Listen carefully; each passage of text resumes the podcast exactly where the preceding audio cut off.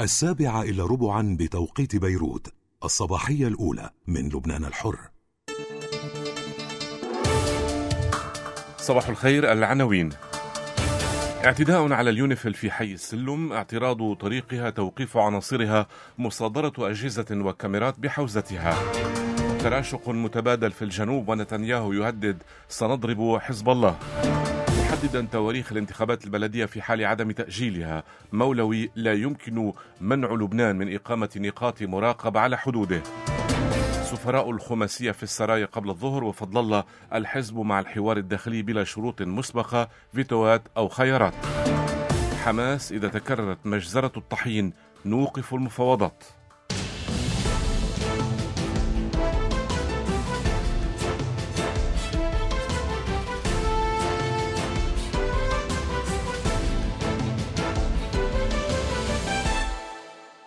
التفاصيل من لبنان الحر مع رندا بوداغر وطوني نصار.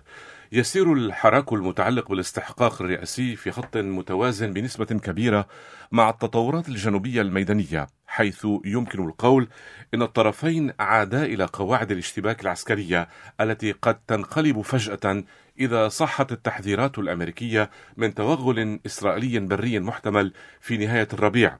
على أن يعود أعمس روكستين إلى بيروت قريبا لعله يحمل معه ما يمهد التأجيج أو يهمد التأجج المتزايد قبل وقوع الكارثة. ومع طي صفحة الرواتب مؤقتا وفي انتظار معرفة مصير قانون الموازنة العامة بعد الطعون النيابية المقدمة إلى المجلس الدستوري يعاود سفراء الخماسية نشاطهم بعد استراحة خصصت لجوجلة حصيلة آخر محطاتهم عند القيادات والمراجع المختصة قبل الانتقال إلى مرحلة جديدة قد تكون لطرح الأسماء على أن يتوضح موقف الحزب الأصفر المبدئي الاثنين المقبل رغم أنه كرر مرات كثيرة ألا تنازل عن مرشحه. البداية من الاعتداء على اليونيفيل وهذه المرة ليس في الجنوب. إنما في الضاحية. ففيما تتطور المواجهات بين حزب الله وإسرائيل وتلامس خطر الانزلاق إلى حرب شاملة وقع مساء أمس اعتداء على اليونيفيل في منطقة حي السلم شارع البركات. وبحسب المعلومات فأن سيارة تابعة للقوات الدولية تقل جنودا دخلت إلى الضاحية من طريق المطار في خلال توجهها من الجنوب إلى بيروت ما دفع بعناصر حزب الله إلى اعتراض طريقها وتوقيفها ومصادرة أجهزة وكاميرات كانت بحوزتها. وأشارت المعلومات أيضا إلى تسليم عناصر اليونيفيل إلى اللجنة الأمنية في الحزب وتم التحقيق معهم على خلفية شكوك حول إمكان قيامهم بعمليات تصوير على حد ما قيل. معلومات سابقة ذكرت أنه لم يحصل إشكال بل تم توقيف سيارة اليونيفيل على حاجز كوكودي في الرابعة والنصف من بعد ظهر أمس من قبل عناصر حزبية وتم تسليمهم فورا إلى الجيش اللبناني وأن سبب توقيف السيارة عدم وجود مهمة رسمية لدخولها إلى الضاحية الجنوبية. وفي الميدان الجنوبي فقد أعلن الجيش الإسرائيلي أن طائراته قصفت مجمعا عسكريا لحزب الله في عيت الشعب واستهدفت بنية تحتية له في منطقة اللبونة في المقابل قصف حزب الله مستوطنة غورين بصواريخ فلق ردا على استشهاد مواطنين مسنين هما حسين حمدان وزوجته منار عبادي من بلدة كفراه وقد استهدف الطيران الإسرائيلي المسير بلدة بليدة حيث تواصلت حتى ساعات الليل أعمال رفع الأنقاض عن منزل استهدفته الغارة وذكر أنها أدت إلى مقتل شخصين. كما شنت الطائرات أكثر من غارة على منطقة اللبوني وجبل بلاط والمنطقة الواقعة بين رامية وبيت ليف واستهدف الجيش الإسرائيلي بالقذائف المدفعية أطراف بلدة الناقورة في القطاع الغربي. في المقابل استهدف الجيش الإسرائيلي انتشارا لج... لجنود في محيط موقع جل العلام وتجمعا آخر للجنود في محيط تلة الكبرى إضافة إلى مستوطنة إيلون بدفعات من صواريخ الكاتيوشكا والتجهيزات التجسسية والفنية في موقع رويسات العلم في مزارع شبعة. ونعى الحزب كلا من علي عبد الرحمن جمعة من بلدة كفركيلا سكان بلدة دبعال الجنوبية وعبد الله حسن عسل من البلدة نفسها. من ناحيتها أعلنت مديرية التوجيه في قيادة الجيش أنه أثناء تنفيذ دورية مشتركة بين الجيش واليونيفيل في منطقة اللبون أمس عثر عناصر الدورية على طائرة مسيرة درون تابعة للعدو الإسرائيلي تحمل منشورات وقد عملت وحدة مختصة من الجيش على تفكيكها ونقلها.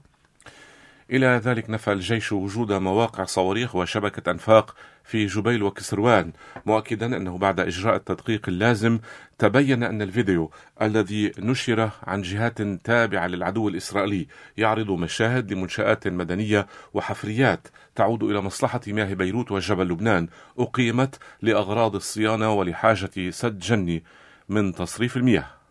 وفي سيل التهديدات الجديدة قال رئيس الحكومة الإسرائيلية بنيامين نتنياهو سنضرب حزب الله ونقضي على مسؤوليه في جنوب لبنان. وزير الدفاع الإسرائيلي جالنت شدد لنظيره الأمريكي لويد أوستن على أن بلاده لن تتسامح مع التهديدات ضد مواطنيها وانتهاكات سيادتها وستتخذ الإجراءات اللازمة لضمان أمنهم.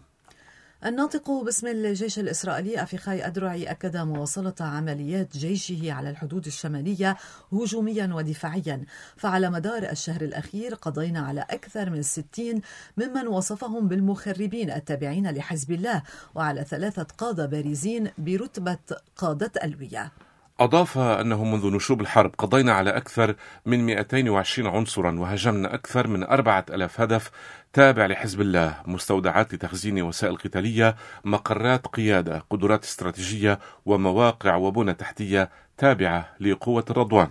وتابع أدرعي هاجمنا في وقت سابق من الأسبوع الحالي مجمعات خاصة بمنظومة الدفاع الجوي التابعة لحزب الله في عمق لبنان في البقاع وهي عبارة عن منظومة استثمر الحزب فيها أموالا طائلة في محاولة لتقييد حرية تصرف جيش الدفاع في الأجواء اللبنانية معتبرا أن سلاح الجو أثبت مجددا أنه نستطيع مهاجمة كل مكان إذا كنا نرغب أو كنا ملزمين بمهاجمته.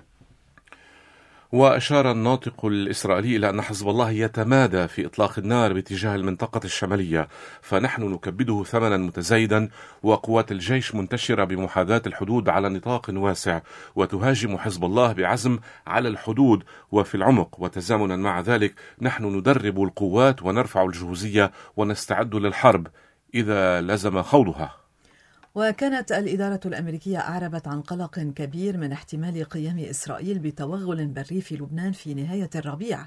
وفي السياق قال مسؤول أمريكي رصدنا آراء متنامية داخل الحكومة الإسرائيلية تؤيد التوغل في لبنان مشيرا إلى أن أي توغل إسرائيلي سيؤدي لتصعيد كبير جدا لا نعرف أبعاده. السفارة الأمريكية في تل أبيب أكدت بدورها أن دولة إسرائيل لن تعود إلى الوضع الذي كان قائما قبل الحرب حيث يشكل حزب الله تهديدا عسكريا مباشرا وفوريا لأمنها على طول الحدود الإسرائيلية اللبنانية. وفي الإطار نفسه أعرب مسؤولون عرب وغربيون عن خشيتهم من تدهور الوضع في الجنوب وانعكاساته على المنطقة باعتبار أن اندلاع شرارة الحرب في لبنان ستنعكس على العراق والمنطقة ككل. ورأوا وجود توافق دولي على أن مفتاح الحل لكل ذلك هو وقف الحرب على غزة إلا أنهم لاحظوا أن المعلومات لا تزال متناقضة حول التوصل إلى هدنة قريبة في غزة. في المقابل كرر حزب الله أنه مستعد لوقف إطلاق النار في لبنان عندما يتوقف الهجوم الإسرائيلي على غزة. رئيس الحكومة نجيب ميقاتي الذي أعلن أن الوفد الأمريكي أن الموفد الأمريكي أموس هوكستين سيزور لبنان قريبا لفت إلى أن هناك حديثا جديا قد يكون مطلع الأسبوع المقبل عن وقف العمليات العسكرية في غزة يسمى تفاهم رمضان مؤكدا أن وقف القتال في غزة سيطلق المحادثات حول التهدئة في لبنان. وتوقع محادثات لأسابيع لتحقيق استقرار طويل الأمد في الجنوب بمجرد التوصل إلى اتفاق غزة مؤكدا أنه يثق أن حزب الله سيوقف إطلاق النار إذا فعلت إسرائيل الشيء نفسه أكد وزير الداخلية بسام مولوي أن السعودية تريد رئيسا يحمي لبنان ويحفظ الشرعية ويكافح الفساد ويعزز الإدارة والقوى العسكرية والأمنية ويبني دولة القانون ولفت عبر صحيفة نداء الوطن إلى إمكان إجراء الانتخابات البلدية وفي حال عدم تأجيلها في الثاني عشر والتاسع عشر والسادس والعشرين من أيار المقبل ولا موانع تقنية أو أمنية. وبالتالي لابد من دعوة الهيئات الناخبة قبل الثاني عشر من نيسان كحد أقصى. ولكن حاليا لا يمكن دعوتها لأننا في مرحلة تنقيح لوائح الناخبين والتي يفترض تجميدها في الحادي والثلاثين من الحالي بعد تصحيحها. ومن ثم تدعى الهيئات الناخبة.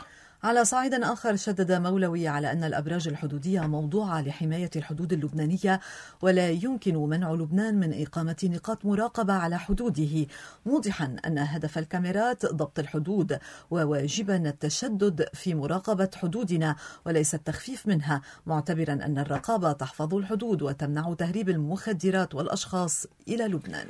وفي الحراك الرئاسي وفي حين يعود السفراء الخماسية نشاطهم الداخلي حيث يلتقوا قبل الظهر الرئيس نجيب ميقاتي في السرايا وصفت عضو تكتل الجمهورية القوية النائب غادة أيوب مبادرة كتلة الاعتدال بالجيدة معربة عن أملها في أن تترجم مع كل الفرقاء ومشيرة إلى أن هذا ما كانت تطالب به المعارضة من اللحظة الأولى لجهة ضرورة فتح باب مجلس نواب لكي تأخذ الديمقراطية مجراها وليفوز من يفوز وفقا لمندرجات الدستور. أيوب شددت على ضرورة ألا نحدث سابقة دستورية لم تكن موجودة والتي تتمثل في إقامة طاولة حوار قبل انتخاب أي رئيس للجمهورية معتبرة أن هذا النهج رأيناه مع الرئيس ميشيل عون واليوم يتكرر المشهد وهذا ما يجب ألا يثبت في أن يكون الحوار شرطا ومدخلا إلزاميا لانتخاب رئيس. بينما تقول مبادرة الاعتدال إنه ليس حوارا ولا طاولة ولا أحد يترأسها إنما فقط مشاورات بين النواب. وعشية الزيارة التي يقوم بها وفد الاعتدال إلى الضاحية الاثنين المقبل قال عضو تكتل أو بالأحرى عضو كتلة الوفاء للمقاومة النائب حسن فضل الله. مع الحوار الداخلي غير المقيد بأي شروط مسبقة أو وضع فتوات أو فرض خيارات محددة. اليوم نؤكد من جديد على أهمية الحوار الداخلي. وعلى ضرورة أن يكون جادا بنية الوصول إلى نتائج متفاهم عليها لانتخاب رئيس للجمهورية. وأي مبادرة في هذا المجال؟ عندما تعرض علينا سندرسها بروح إيجابية من منطلق الحرص على الوصول إلى نتائج تحقق مصلحة البلد.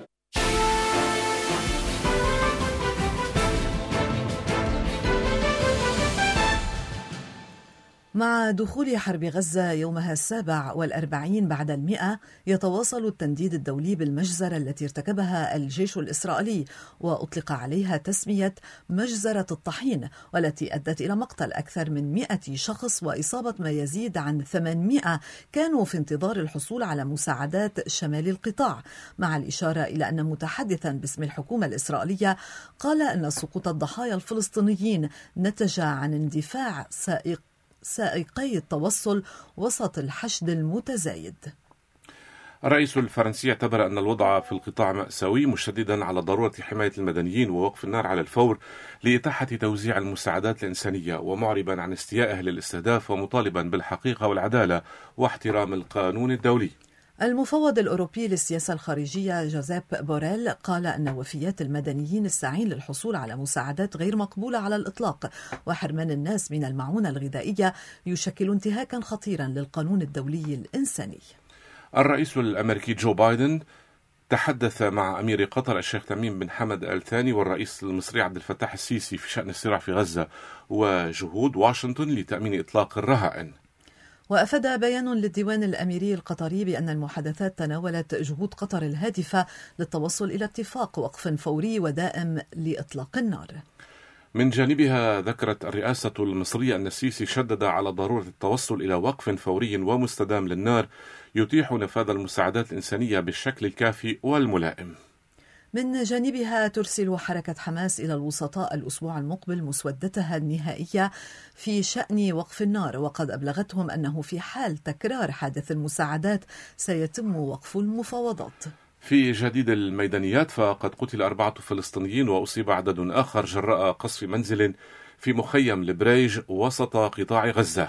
إلى الضفة الغربية حيث دارت مواجهات بين شبان فلسطينيين والقوات الإسرائيلية في مخيم قلنديا شمال القدس وقتل مصاب ثان أطلق أطلق عليه الجنود الإسرائيليون النار مساء أمس عند مدخل إحدى بلدات جنوب الخليل.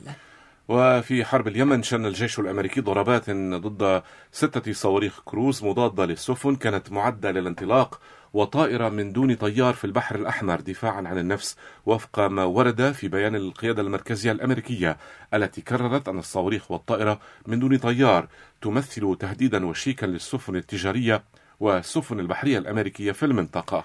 جاء ذلك بعدما أكدت جماعة الحوثي أن الولايات المتحدة وبريطانيا استهدفتا بأربع غارات محافظة الحديدة الساحلية.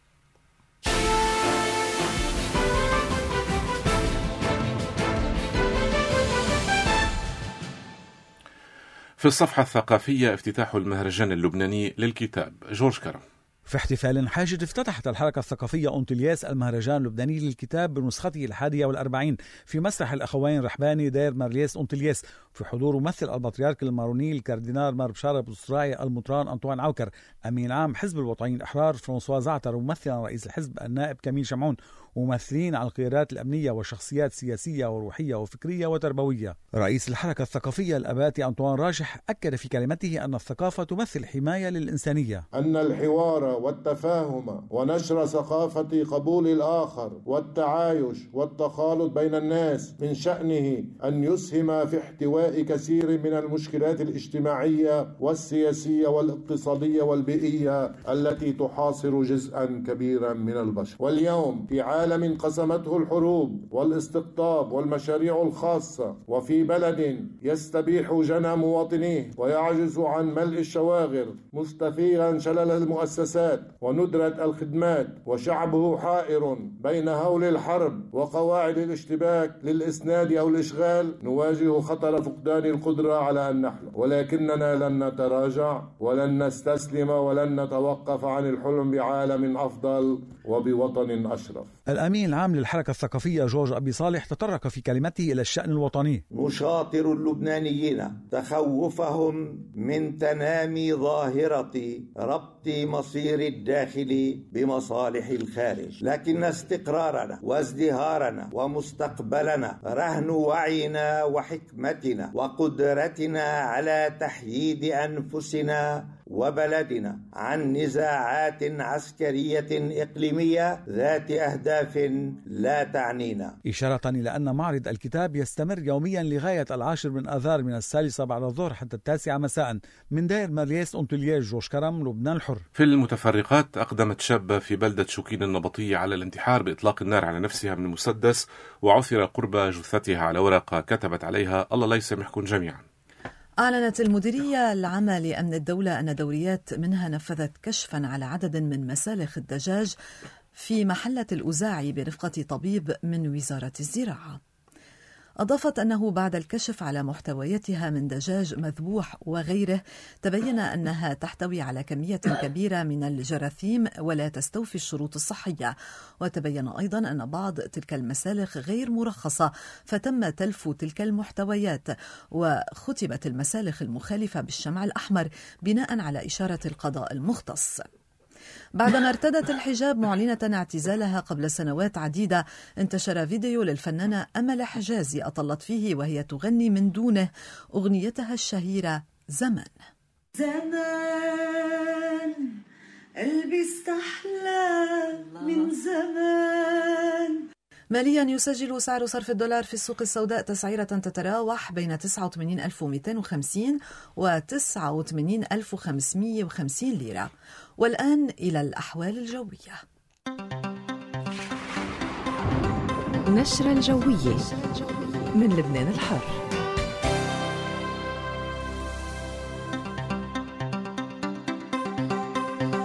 طقس مستقر ودافي نسبيا بيسيطر على لبنان والحوض الشرقي للمتوسط بالأيام الجاية مع ارتفاع بدرجات الحرارة بشكل ملموس اعتبارا من اليوم تتخطى معدلاتها الموسمية حتى السبت بعد الظهر مع تأثر لبنان بمنخفض جوي متوسط الفعالية متمركز حاليا بين إيطاليا واليونان عم يقرب تدريجيا بيؤدي لطقس متقلب ومماطر أحيانا مع انخفاض بدرجات الحرارة.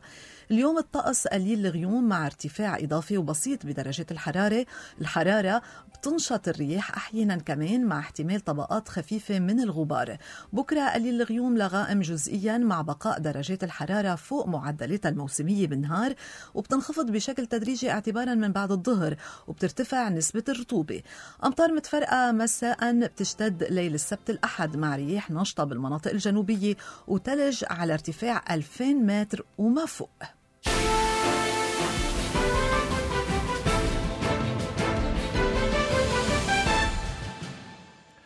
نختم بالعناوين.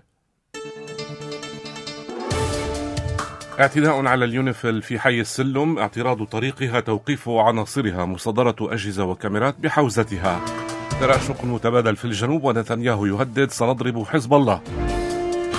محددا تواريخ الانتخابات البلدية في حال عدم تأجيلها. مولوي لا يمكن منع لبنان من إقامة نقاط مراقبة على حدوده.